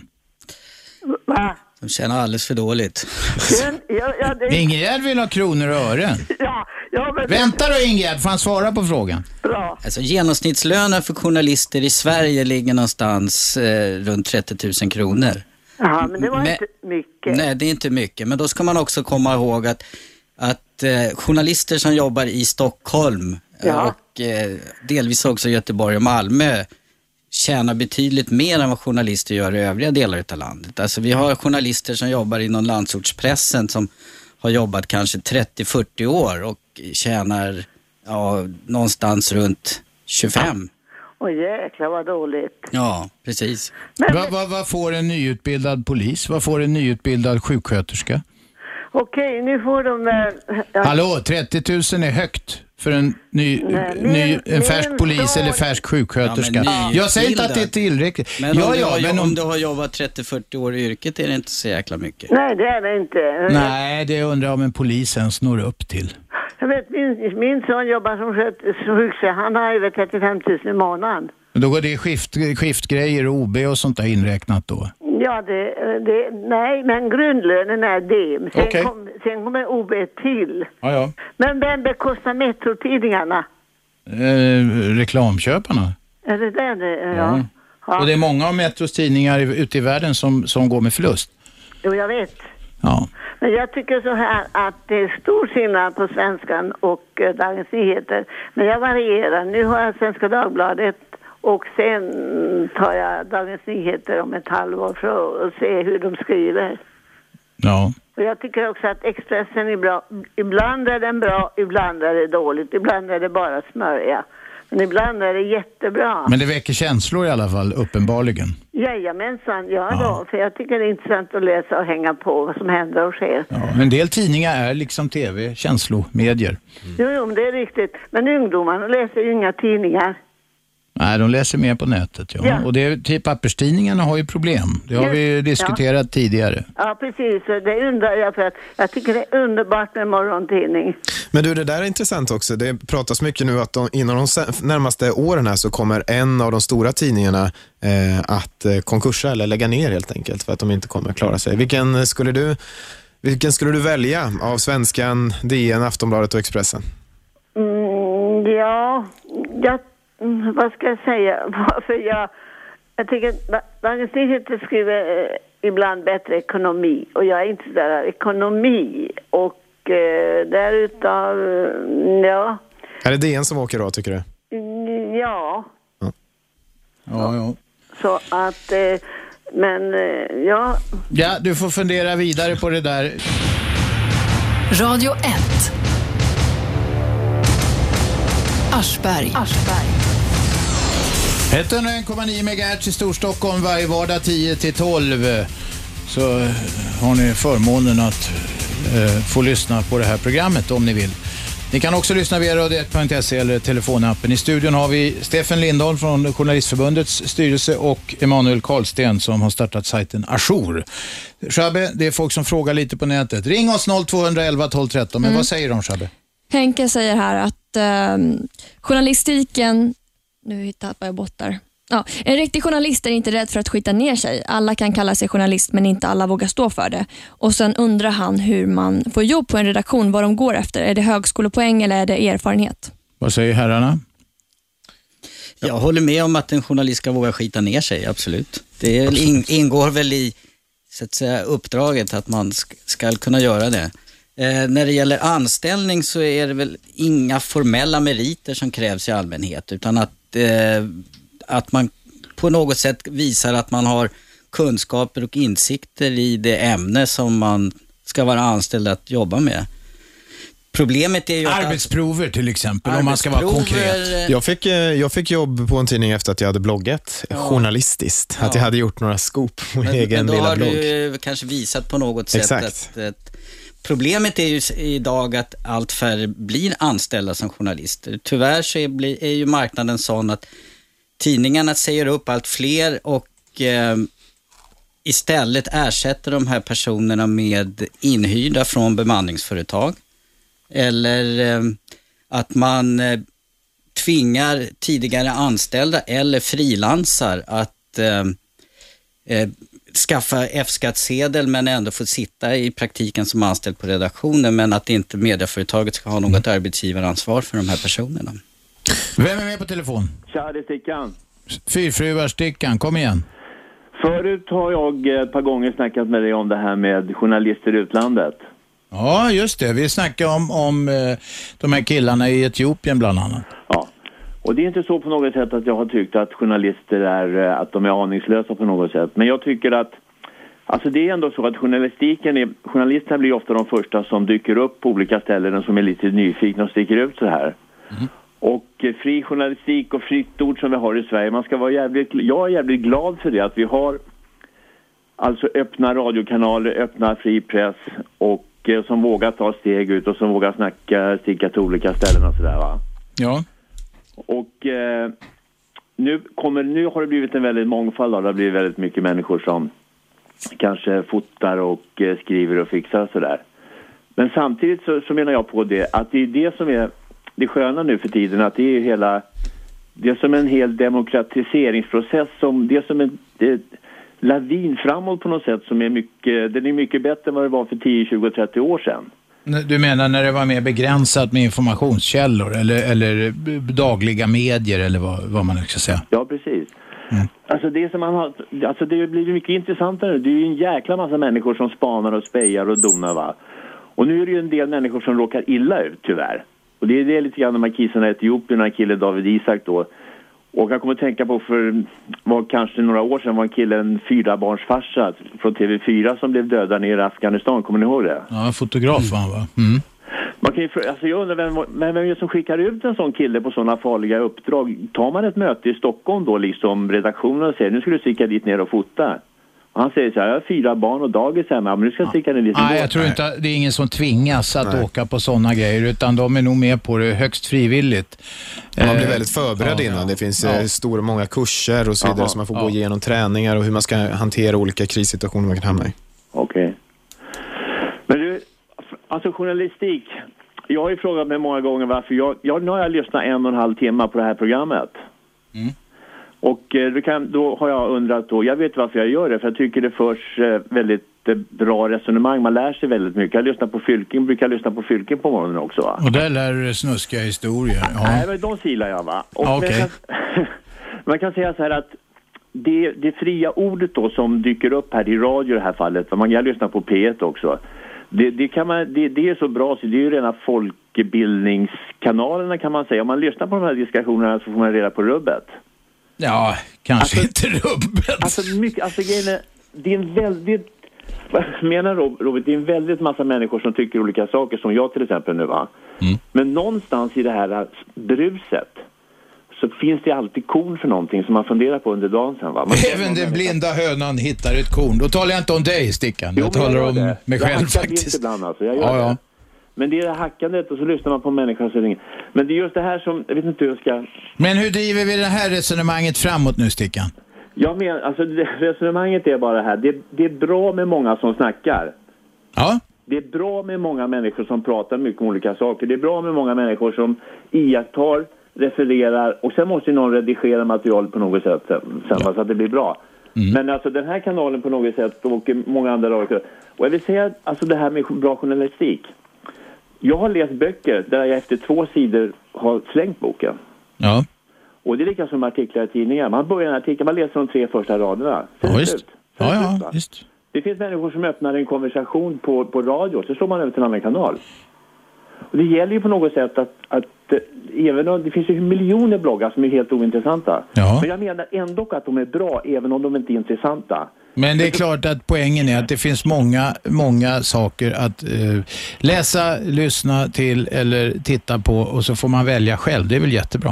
Det är jättebra, men det rensar ut sig själv också så det är ingen fara att det som jag tror människor kommer att välja. Får jag säga en sak till? Ja, sista grejen. Det är sista grejen. Alltså det finns, jag, alltså det finns det här med det fria ordet att snacka mycket. Och en gång i tiden så var man jävligt kritisk till en kille som snackade mycket och kanske inte hade så mycket alltid underlag för det han sa. Men Som han, Annie Lööf till exempel. Nej. Nej, men som, som, hade, som inte hade alltid underlag. Och det var Ronald Reagan. Reagan, Reagan. Hade han inte underlag? Nej, det kanske men han inte en alltid sak hade. gjorde han. Han, Ja. vågade, han vågade snacka med folk. Va? Och han åkte ner till Europa. Han mötte Gorbatjov. De gick in i en hydda. Och han sa till honom, du, fan det här du håller på med, det håller på att gå åt helvete. Ja, det har du rätt i, sa Gorbatjov. Han kunde snacka med folk va.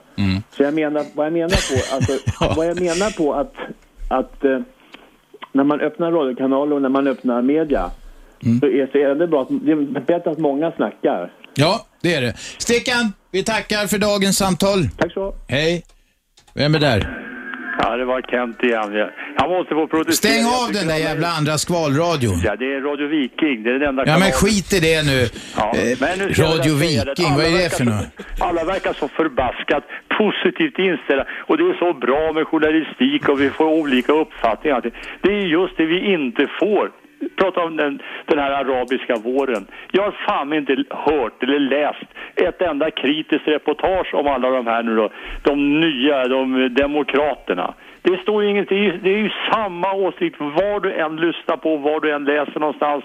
Det är alltså den här eh, Cecilia Uddén-rappandet, var än du eh, lyssnar eller ser. Det finns inte någonting. Och så där är det ju i hela samhällsprogrammen eh, programmen i Sverige. Det är ju inte hopplöst. alls. Det är fel. Det är fel, Kent. Jaha, säg no- vad- Det är ju massor med folk som har skrivit om till exempel eh, ja, övergångs, det här så kallade övergångsrådet i Libyen, om deras övergrepp. Det skrevs senast idag i morgontidningen står det om hur det ska gå i, eh, vad heter det, var det Tunisien? Eller, alltså det, det, är massor med kritisk rapportering, eller analyser som visar på att det kanske inte alls blir så jävla eh, sockersött omedelbart i de här länderna.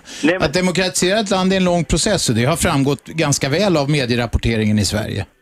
Journalistiken, jag har tagit upp det förut, till exempel i USA där har vi ju då de här eh, kan man säga, högerradikalerna som har sina radiostationer och liknande. Det finns ju ingenting sånt i Sverige i stort sett alltså. Där, där det finns en motsvarande, eh, här är ju alla, om, det är ett hatobjekt nu och SD och, och de här så att säga va? och Ja. man kan väl kritisera dem säkert. Men vill du ha en annan vinkel på någonting någon gång, du får aldrig, ha- eh, du får aldrig eh, höra en motsvarande uppgift. Du har till exempel nu på, på Aktuellt så har de en serie som handlar då om eh, migrationen i eh, Europa. Och den är, den är bra. Den är, den är i stort sett är bara positivt. Det får aldrig komma någon avvikande uppfattning. Och det är det som är problemet. Det finns ingenting. Vi har pressstöd. Man lever fan här över att Nationell idag fick pressstöd. Det är den enda kritiska röst då. Mot Kent, Kent. Du kommer ihåg vad arg du blev när jag sa att du får vara vår hus-SD-are? Ja. Ja. Men nu, jag bara... Ligger det inte lite i det jag sa? Ja, om man nu säger, om man, precis, du säger så här. Om man nu vill framföra en kritisk åsikt, oavsett om man tycker om att det är höga skatter för att vi ska ha en social välfärd, eller man vill minska ner skatterna, så finns det, där har vi två olika uppfattningar, eller hur? Där har vi ju då Vänsterpartiet och de får vara med ofta med handen Men det är, de flesta är sossar i Sverige egentligen. Ja, så är det. Och det är väl kanske det som är både bra och negativt, men det är väldigt negativt när det gäller media. Att inte... Du tycker de mörkar en massa grejer? Eh, Ja, men ja. Det, det konkreta som jag kommer på nu, det är den här så kallad våren i arabvärlden. Ja, Man har målat ut Gaddafi som satan djävulen personligen.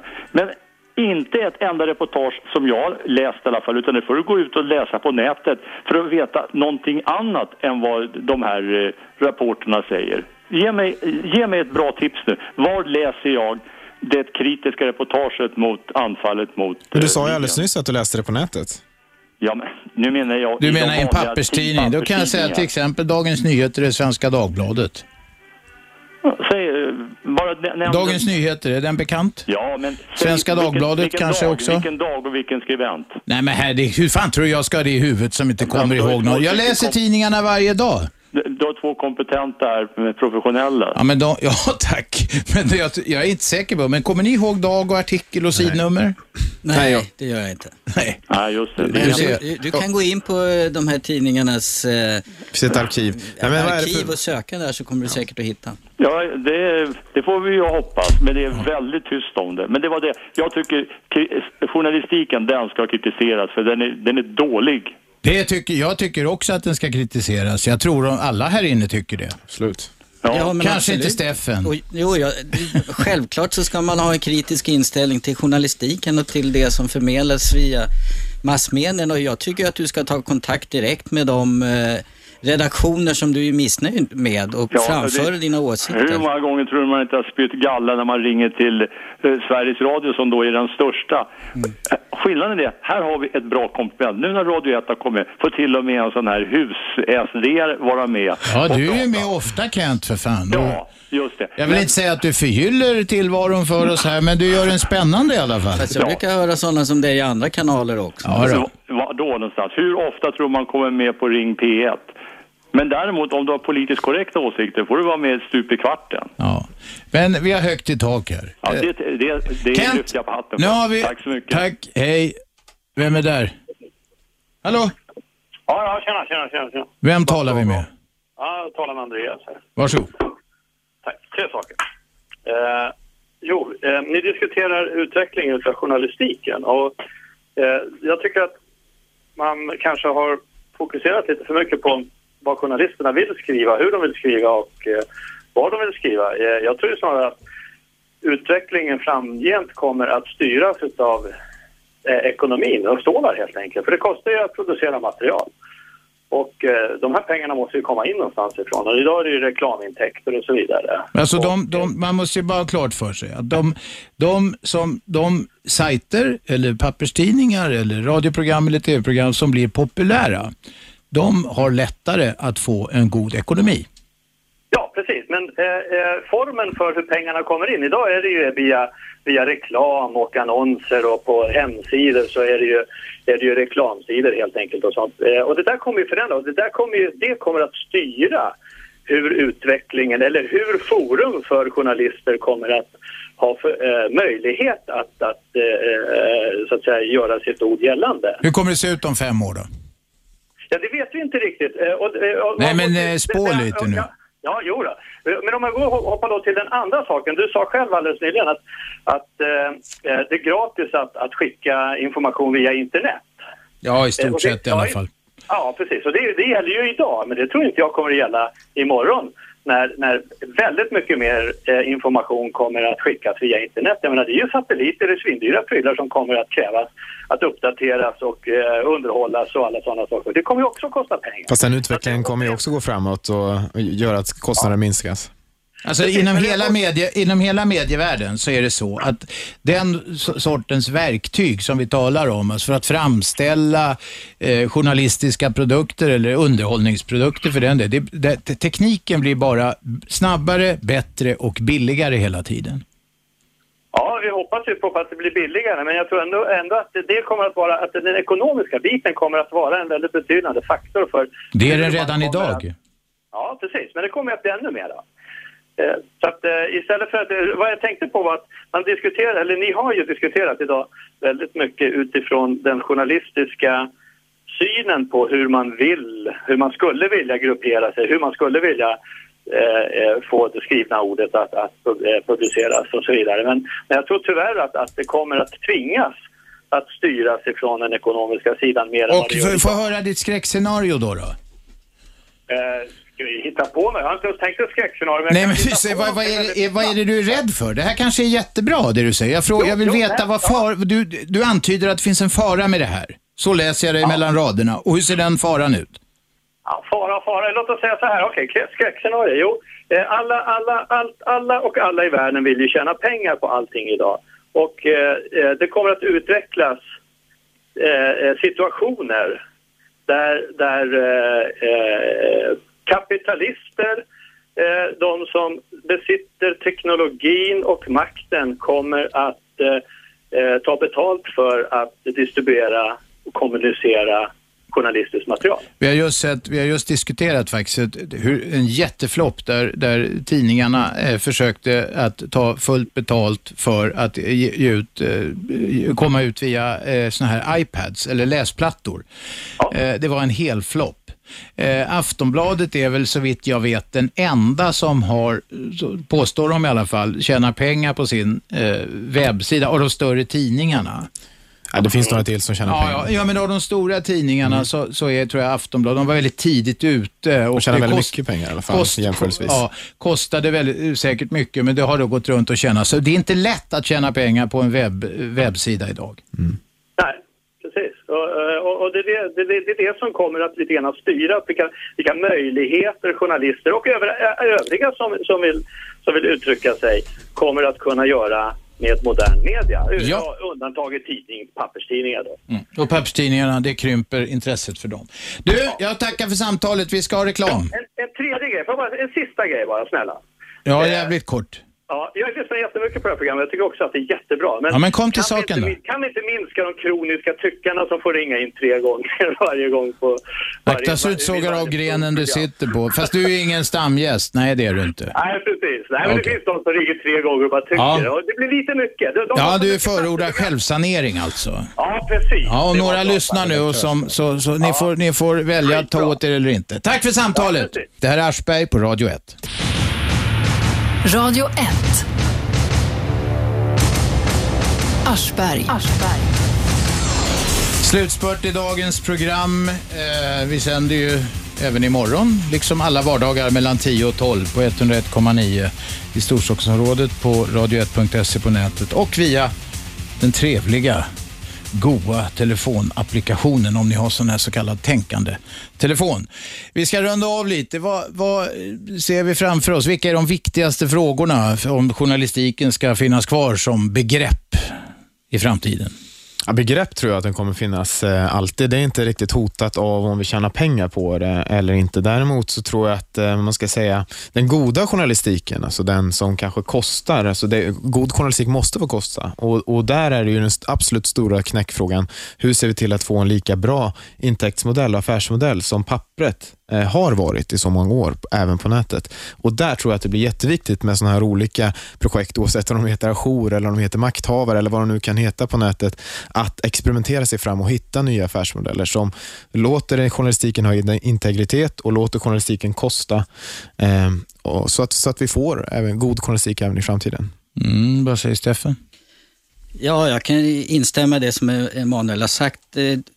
Det vi har pratat om under de här två timmarna har ju varit att tidningarna, många tidningar är i kris. Samtidigt ska vi ju komma ihåg att eh, många av de mediahus som ger ut de här tidningarna också gör vinster fast på annan verksamhet.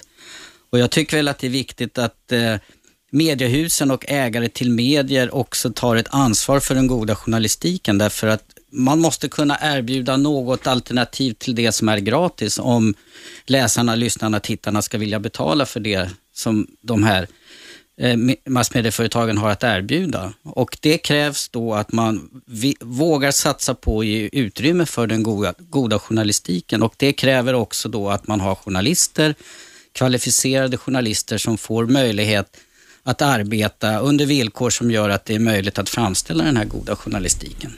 Och då talar vi inte bara om det som är så poppis med så här stora grävreportage utan också om sådana begrepp som god stilistik och eh, eh, spännande ämnen och så vidare. Absolut, och det ska ju vara initierat i vilken fråga det än nu ska handla om. Allting behöver ju inte vara stora politikavslöjanden, utan det kan ju handla om arbetsmarknad, det kan handla om hem och hushåll, familjefrågor eller så vidare. Så är det ju viktigt att det är insiktsfullt och ger någonting mer än det som går att hitta gratis på nätet. Och hur når vi dit då? Oj, vad tyst det Nej, hur vi når dit till att hitta det här. Det, det, är som jag, det var ju det som min grej med experimenten. Jag tror att vi behöver experimentera mer. Eh, vi behöver göra det på andra sätt än bara med redaktionellt innehåll. Men vi kommer ändå ner till intäktskällor. Ja.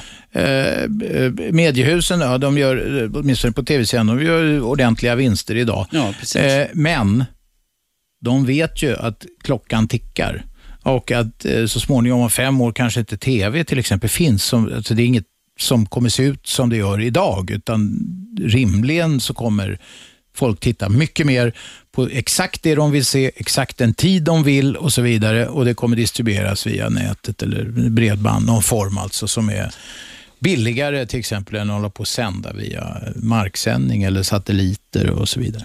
Det som är spännande med, jag vet inte om vi ska ta det stickspåret med, med TV, är ju att det, finns, det är en slags lägereldskänsla kring det som gör Ja. att eh, vi, vi fortfarande gillar att den är tablålagd så att vi kan titta på den och Facebook och Twitter Fast det och minskar till ju. varandra. Det minskar ju. Eller åtminstone är det så att såna, de här play-funktionerna ökar. Ja, absolut, men, men eh, TV-tittandet har ju inte minskat. Nej, det direkt. har det inte konstigt nog. Fast Men jag tror att det beror på att det är det här tablå, ta- tablågrejen, att vi tycker Ja. om att titta på samma sak samtidigt på Yes. olika platser. Men du har aldrig det kvar. Jag kommer ihåg eftersom jag jobbade på produktionsbolaget Strix som gjorde Robinson på den tiden. När Mm. Robinson gick om Kalle Anka på julafton. Alltså att halva befolkningen sätter sig. Varannan människa i Sverige sitter och ser samma grej. Det finns inte längre. Förutom på julafton då. Kalle Anka Ja, möjligen, möjligen. Men det är ju som att folk tar in gran. I övrigt finns det inte. Jaha, tack för att ni kom hit, Emanuel Karlsten och Steffen Lindholm. Eh, De två timmarna eh, har nått vägs ände. Vi är tillbaks imorgon. Shabbe? Ja, vi är tillbaka imorgon. Nej men säg vad fan det ska handla om. Du är Ja, men- redaktör här. Ja, men det vet vi inte än. Det, vi Det kanske vi blir om fri igår. åkning. Det kanske blir fri åkning imorgon. Vi får se. Vi ska f- resonera om det, Shabbe och jag, under eftermiddagen. Alldeles strax kommer Slynglarna, Lissol och Kinmark och diskutera det där som vi inte begriper. Sport. Sportvärlden alltså. Tack för idag. Tack för att ni lyssnade. Det här är Aschberg på Radio 1. Vi hörs imorgon.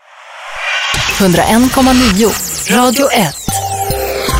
Sveriges nya pratradio.